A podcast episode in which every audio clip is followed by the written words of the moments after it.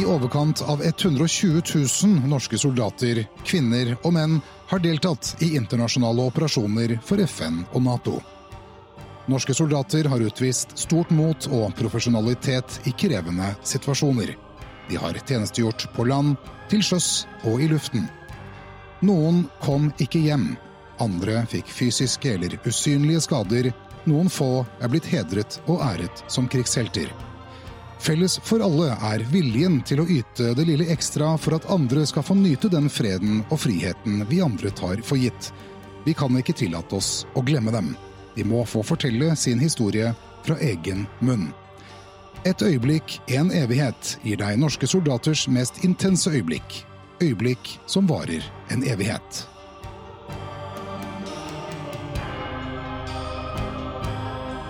Så var det en eller annen sak der vi eh, behandla det med noe, en eller annen utenlandsoperasjon. Og da tenkte jeg med meg sjøl at nå, Frank Bakke-Jensen, sender du ut en ung Frank Bakke-Jensen i internasjonal tjeneste. Hvordan er det her?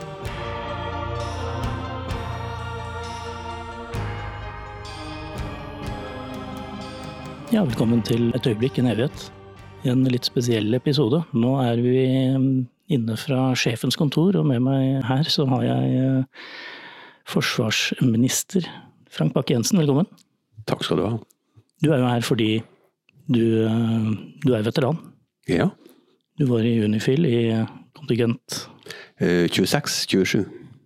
og du var i Norman Coy, Ja. Irish Bat. Eh, ja. Camp Shamrock. Eh, ja, jeg var, jeg var på, eh, på, i sambandstroppen. Satt på sambandsverkstedet og skrudde på radio og radar og litt sånn forskjellig. Hva er det hovedinntrykket du tok med deg fra den tjenesten? Eller fra, fra den tiden du hadde der nede? Jeg tror, altså jeg har brukt å kalle det min dannelsesreise, og det er nok for at jeg, jeg på mange måter fikk eh, testa meg sjøl og ble, kjent med meg sjøl på en annen måte gjennom det, det året. Jeg vokste veldig på det, det året jeg var ute. Så jeg, jeg tror nok um, en eller annen visshet om at jeg var god til å gjøre det jeg ville gjøre.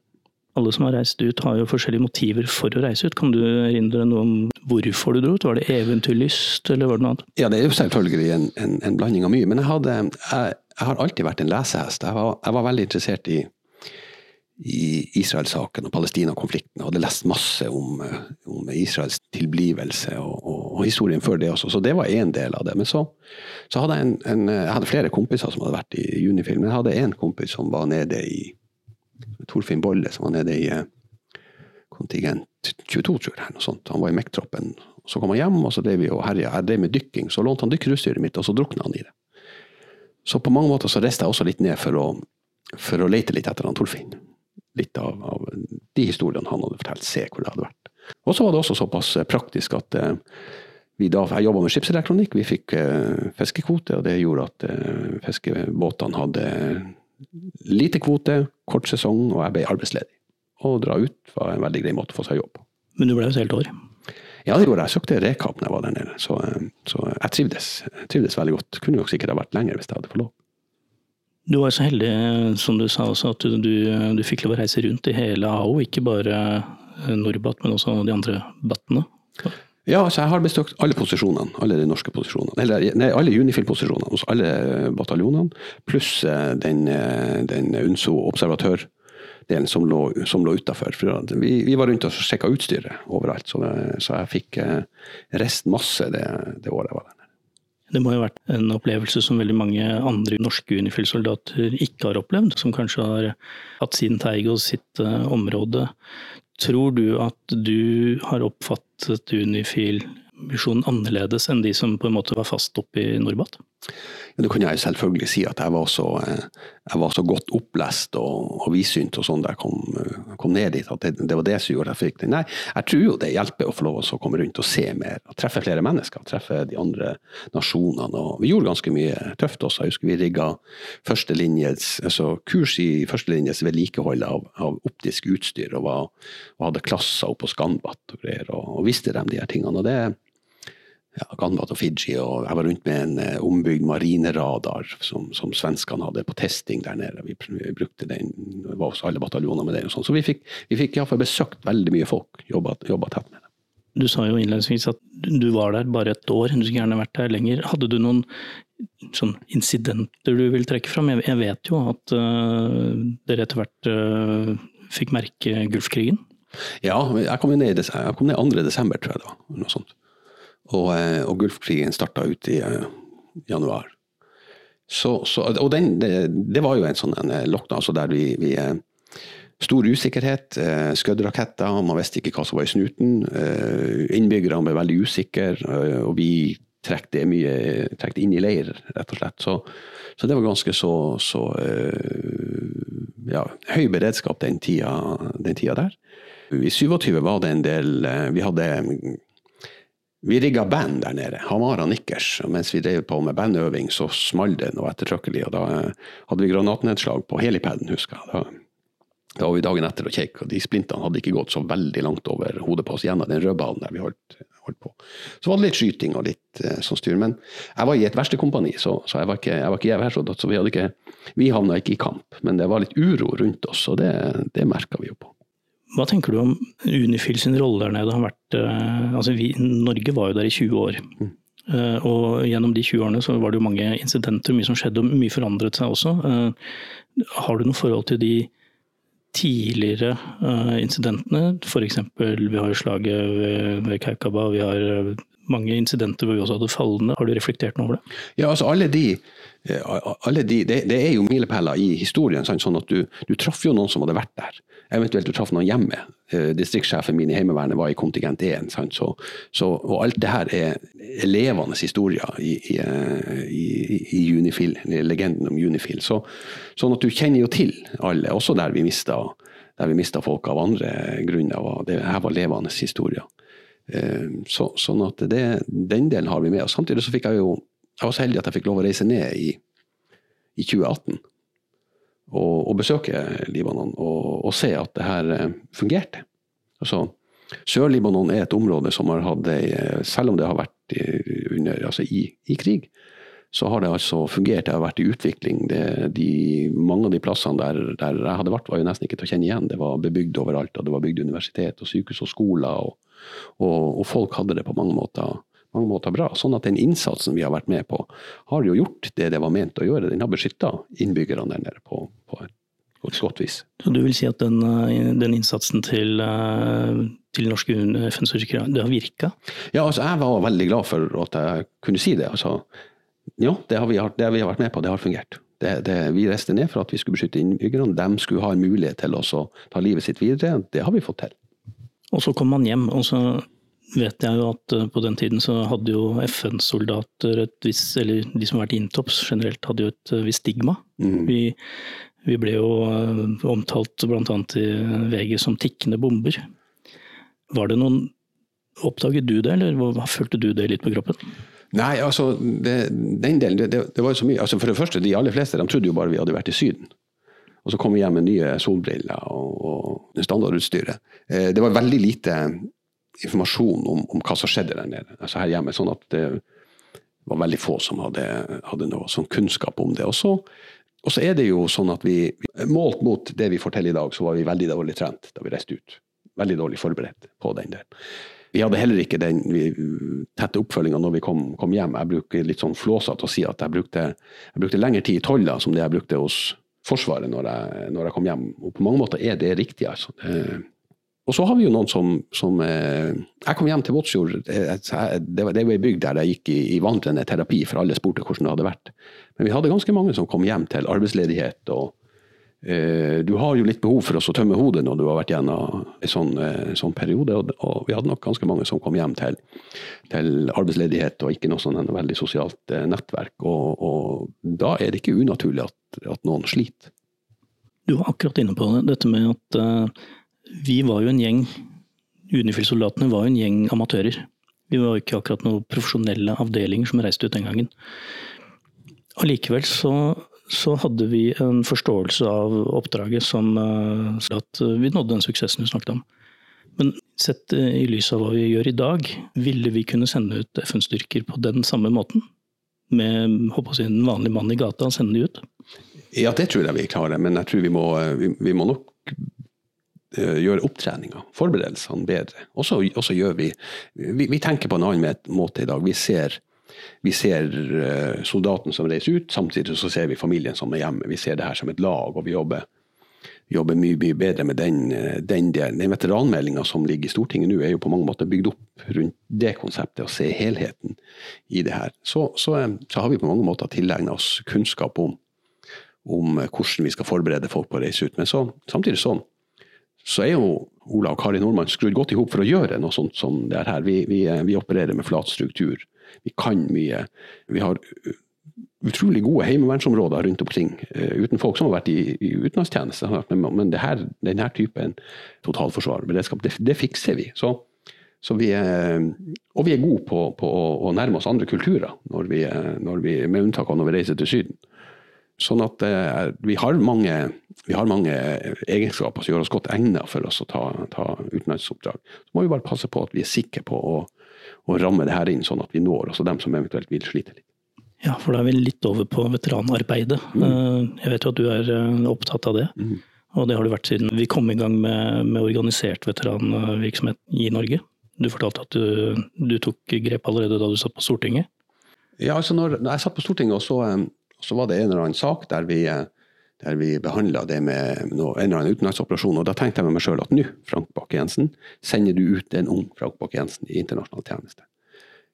Hvordan er det her? Eh, jeg var også tillitsvalgt når jeg var i Libanon, så jeg hadde jobba litt med, med, lønnsavtalene og sett litt av den, den, Da var det jo sånn at vi hadde det laveste lønnstrinnet, og så hadde vi tillegg omtrent for, for å puste. Og når vi kom hjem, og skulle, hvis du da kom hjem til arbeidsledighet eller et eller annet sånt, så eh, så var jo, da var grunnlaget ditt det laveste lønnstrinnet. Ingen av tilleggene gjaldt. De har ikke pensjonsgiven, ikke noe. Sånn at eh, det starta jeg med da jeg var i, eh, i Libanon. Når jeg kom på Stortinget, så, så tok jeg kontakt med veterantjenesten og spør altså, hvor står vi i dag.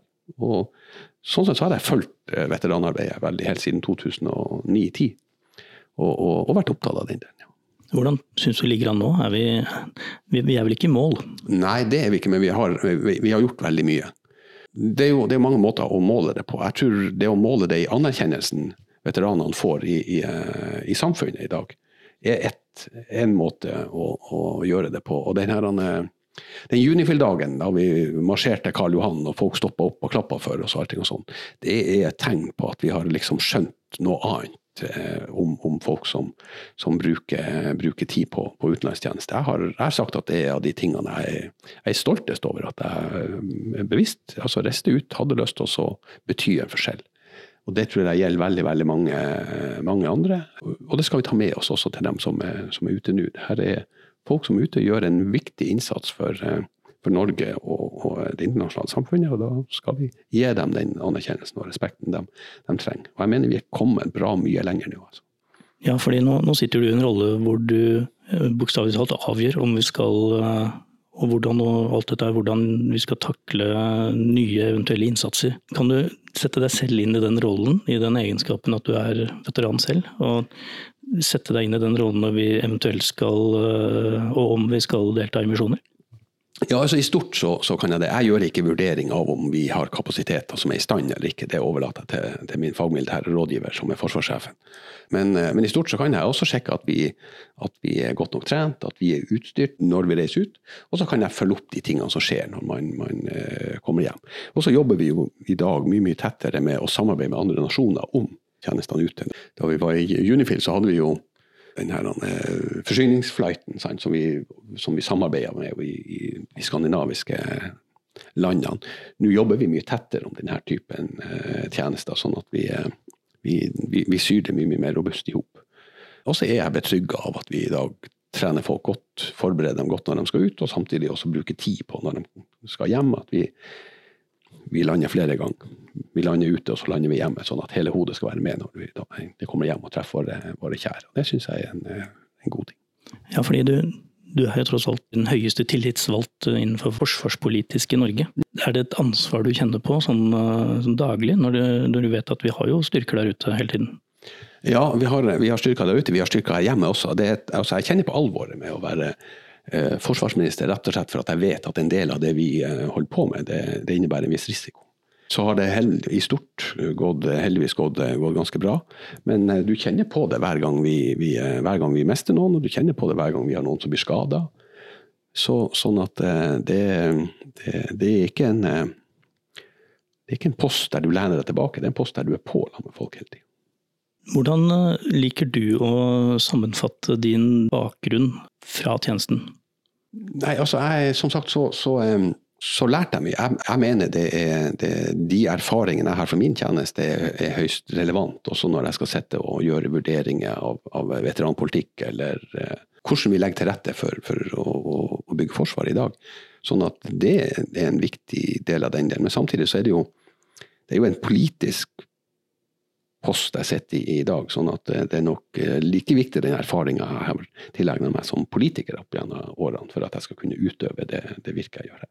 Ja, for Vi må ikke glemme det at du, jobben din er jo å være en del av et regjeringskollegium. Ja, ja. og der, der er det nøtt, en nyttig erfaring å, å ha utenlandstjeneste. Men det, det, er nok ikke sånn at det er et, at det er et must. Det, det, går an å være politiker uten det. Men Føler du at du får noe mer gjennomslag for det? At du kan si nei, men hør nå her, jeg har den bakgrunnen, jeg har vært der? Jeg føler på mange, jeg føler ofte at jeg har, har med meg troverdighet i en del av de tingene jeg legger frem, for at jeg har den erfaringa fra utenlandstjenesten. Hvis vi skal se litt fremover, så kommer det jo hele tiden uh, sikkert nye forespørsler om uh, deltakelse i misjoner. Og så samtidig sier vi at vi skal konsentrere oss mer om hjemme. Hvordan oppfatter du den dualiteten der? Kan vi operere ute og ivareta hjemme på samme måten som vi, eller, som vi helst vil ønske å gjøre? Ja, det vil jo alltid være en avveining, men, men, mye av det vi gjør hjemme er jo også relevant for, for ute. Når vi, når vi endrer nå og sier vi skal bygge en fullmekanisert tung brigade, så er jo det også for at det er et krav fra Nato. Sant? Og det vi gjør, gjør vi jo veldig ofte i, i en, en Nato-sammenheng. Sånn at eh, det, vi vil nok fremover oppleve at, vi, at, den aktiviteten vi har, er mer eh, reelt lignende på det vi, vi gjør med Nato-oppdraget her, her, i Norge. Nato er kommet tilbake til det gamle oppdraget, og vi vil nok se mer, mer eh, satsing på, på, den delen. Sånn at en eller annen gang så vil det nok bli Vi vil ikke slutte med den type tjeneste vi har i Afghanistan og, og Irak. Vi vil mentorere og trene. Kanskje vi gjør det med, sammen med andre nasjoner. Sånn. Men vi, vi, jo, vi, bygger jo et forsvar fremover mer tilpassa den det at vi skal seile, være mer til stede og fly mer hjemme og i nærområdene våre. Vi som er den generasjonen fra den kalde krigen, vokste opp med atomkrigstrusselen over hodet. Føler du at uh, den utryggheten vi har i dag er uh, bedre, holdt jeg på å si? Er det mindre utrygghet sånn sett, eller, eller, er det bare et skifte i måten vi oppfatter verden på? Ja, altså, jeg, jeg, bruker å si at jeg, jeg vokste opp på grensa til Russland, eller til Sovjet. Og, og, og da jeg vokste opp, da, jeg var inne til førstegangstjenesten, da var jeg 20 år, da var Sovjet noe mørkt, farlig bak ei grense der. For, eh, for guttungen min, som er 20 år yngre enn meg, så kom han i puberteten da muren falt. omtrent. Eller da endringen kom. da, han, For han så var, så var det her spennende, for det begynte å komme ja, De hadde besøk fra russiske klasser og sånt. Og for datteren min, som er ennå ti år yngre enn han igjen, så er Russland det mest spennende nabolandet vårt.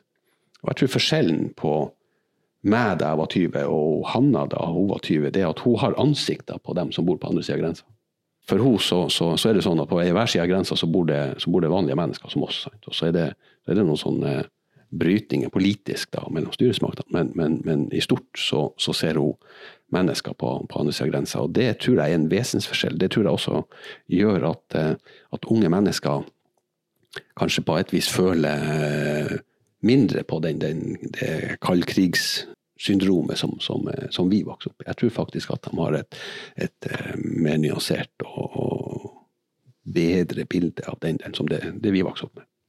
Du sa at du, du hadde lest deg opp på konflikten, Palestina-Israel-konflikten. Mm.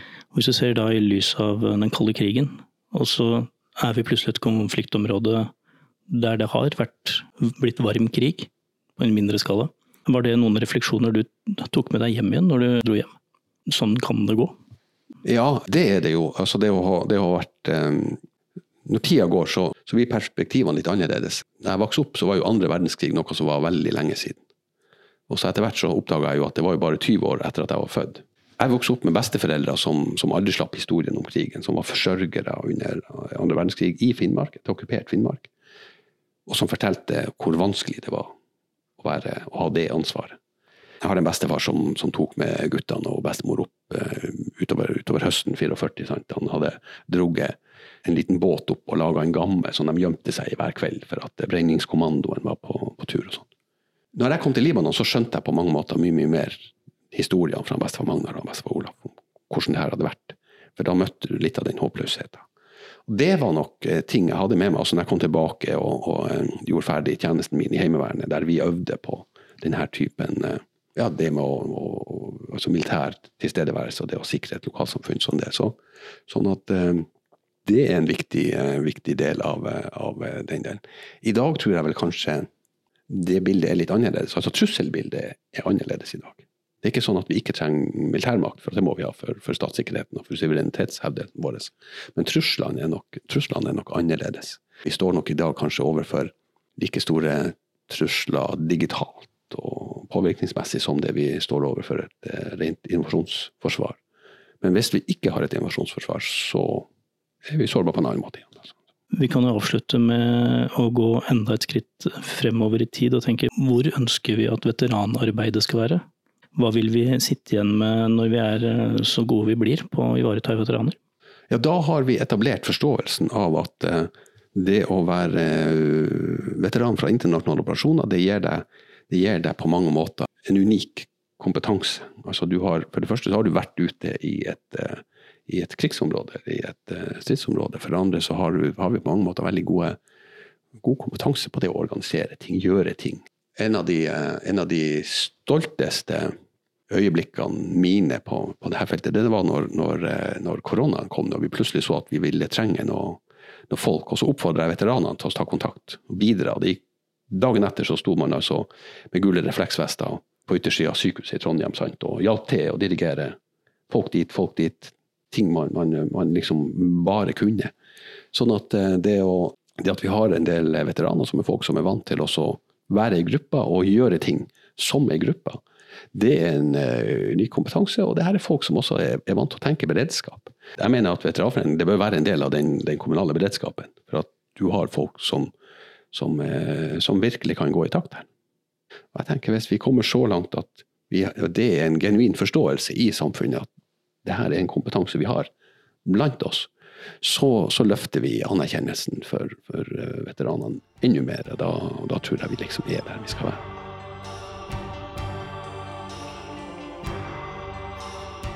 Dette er en av mange unike historier om selvoppofrelse og mot fra våre soldater.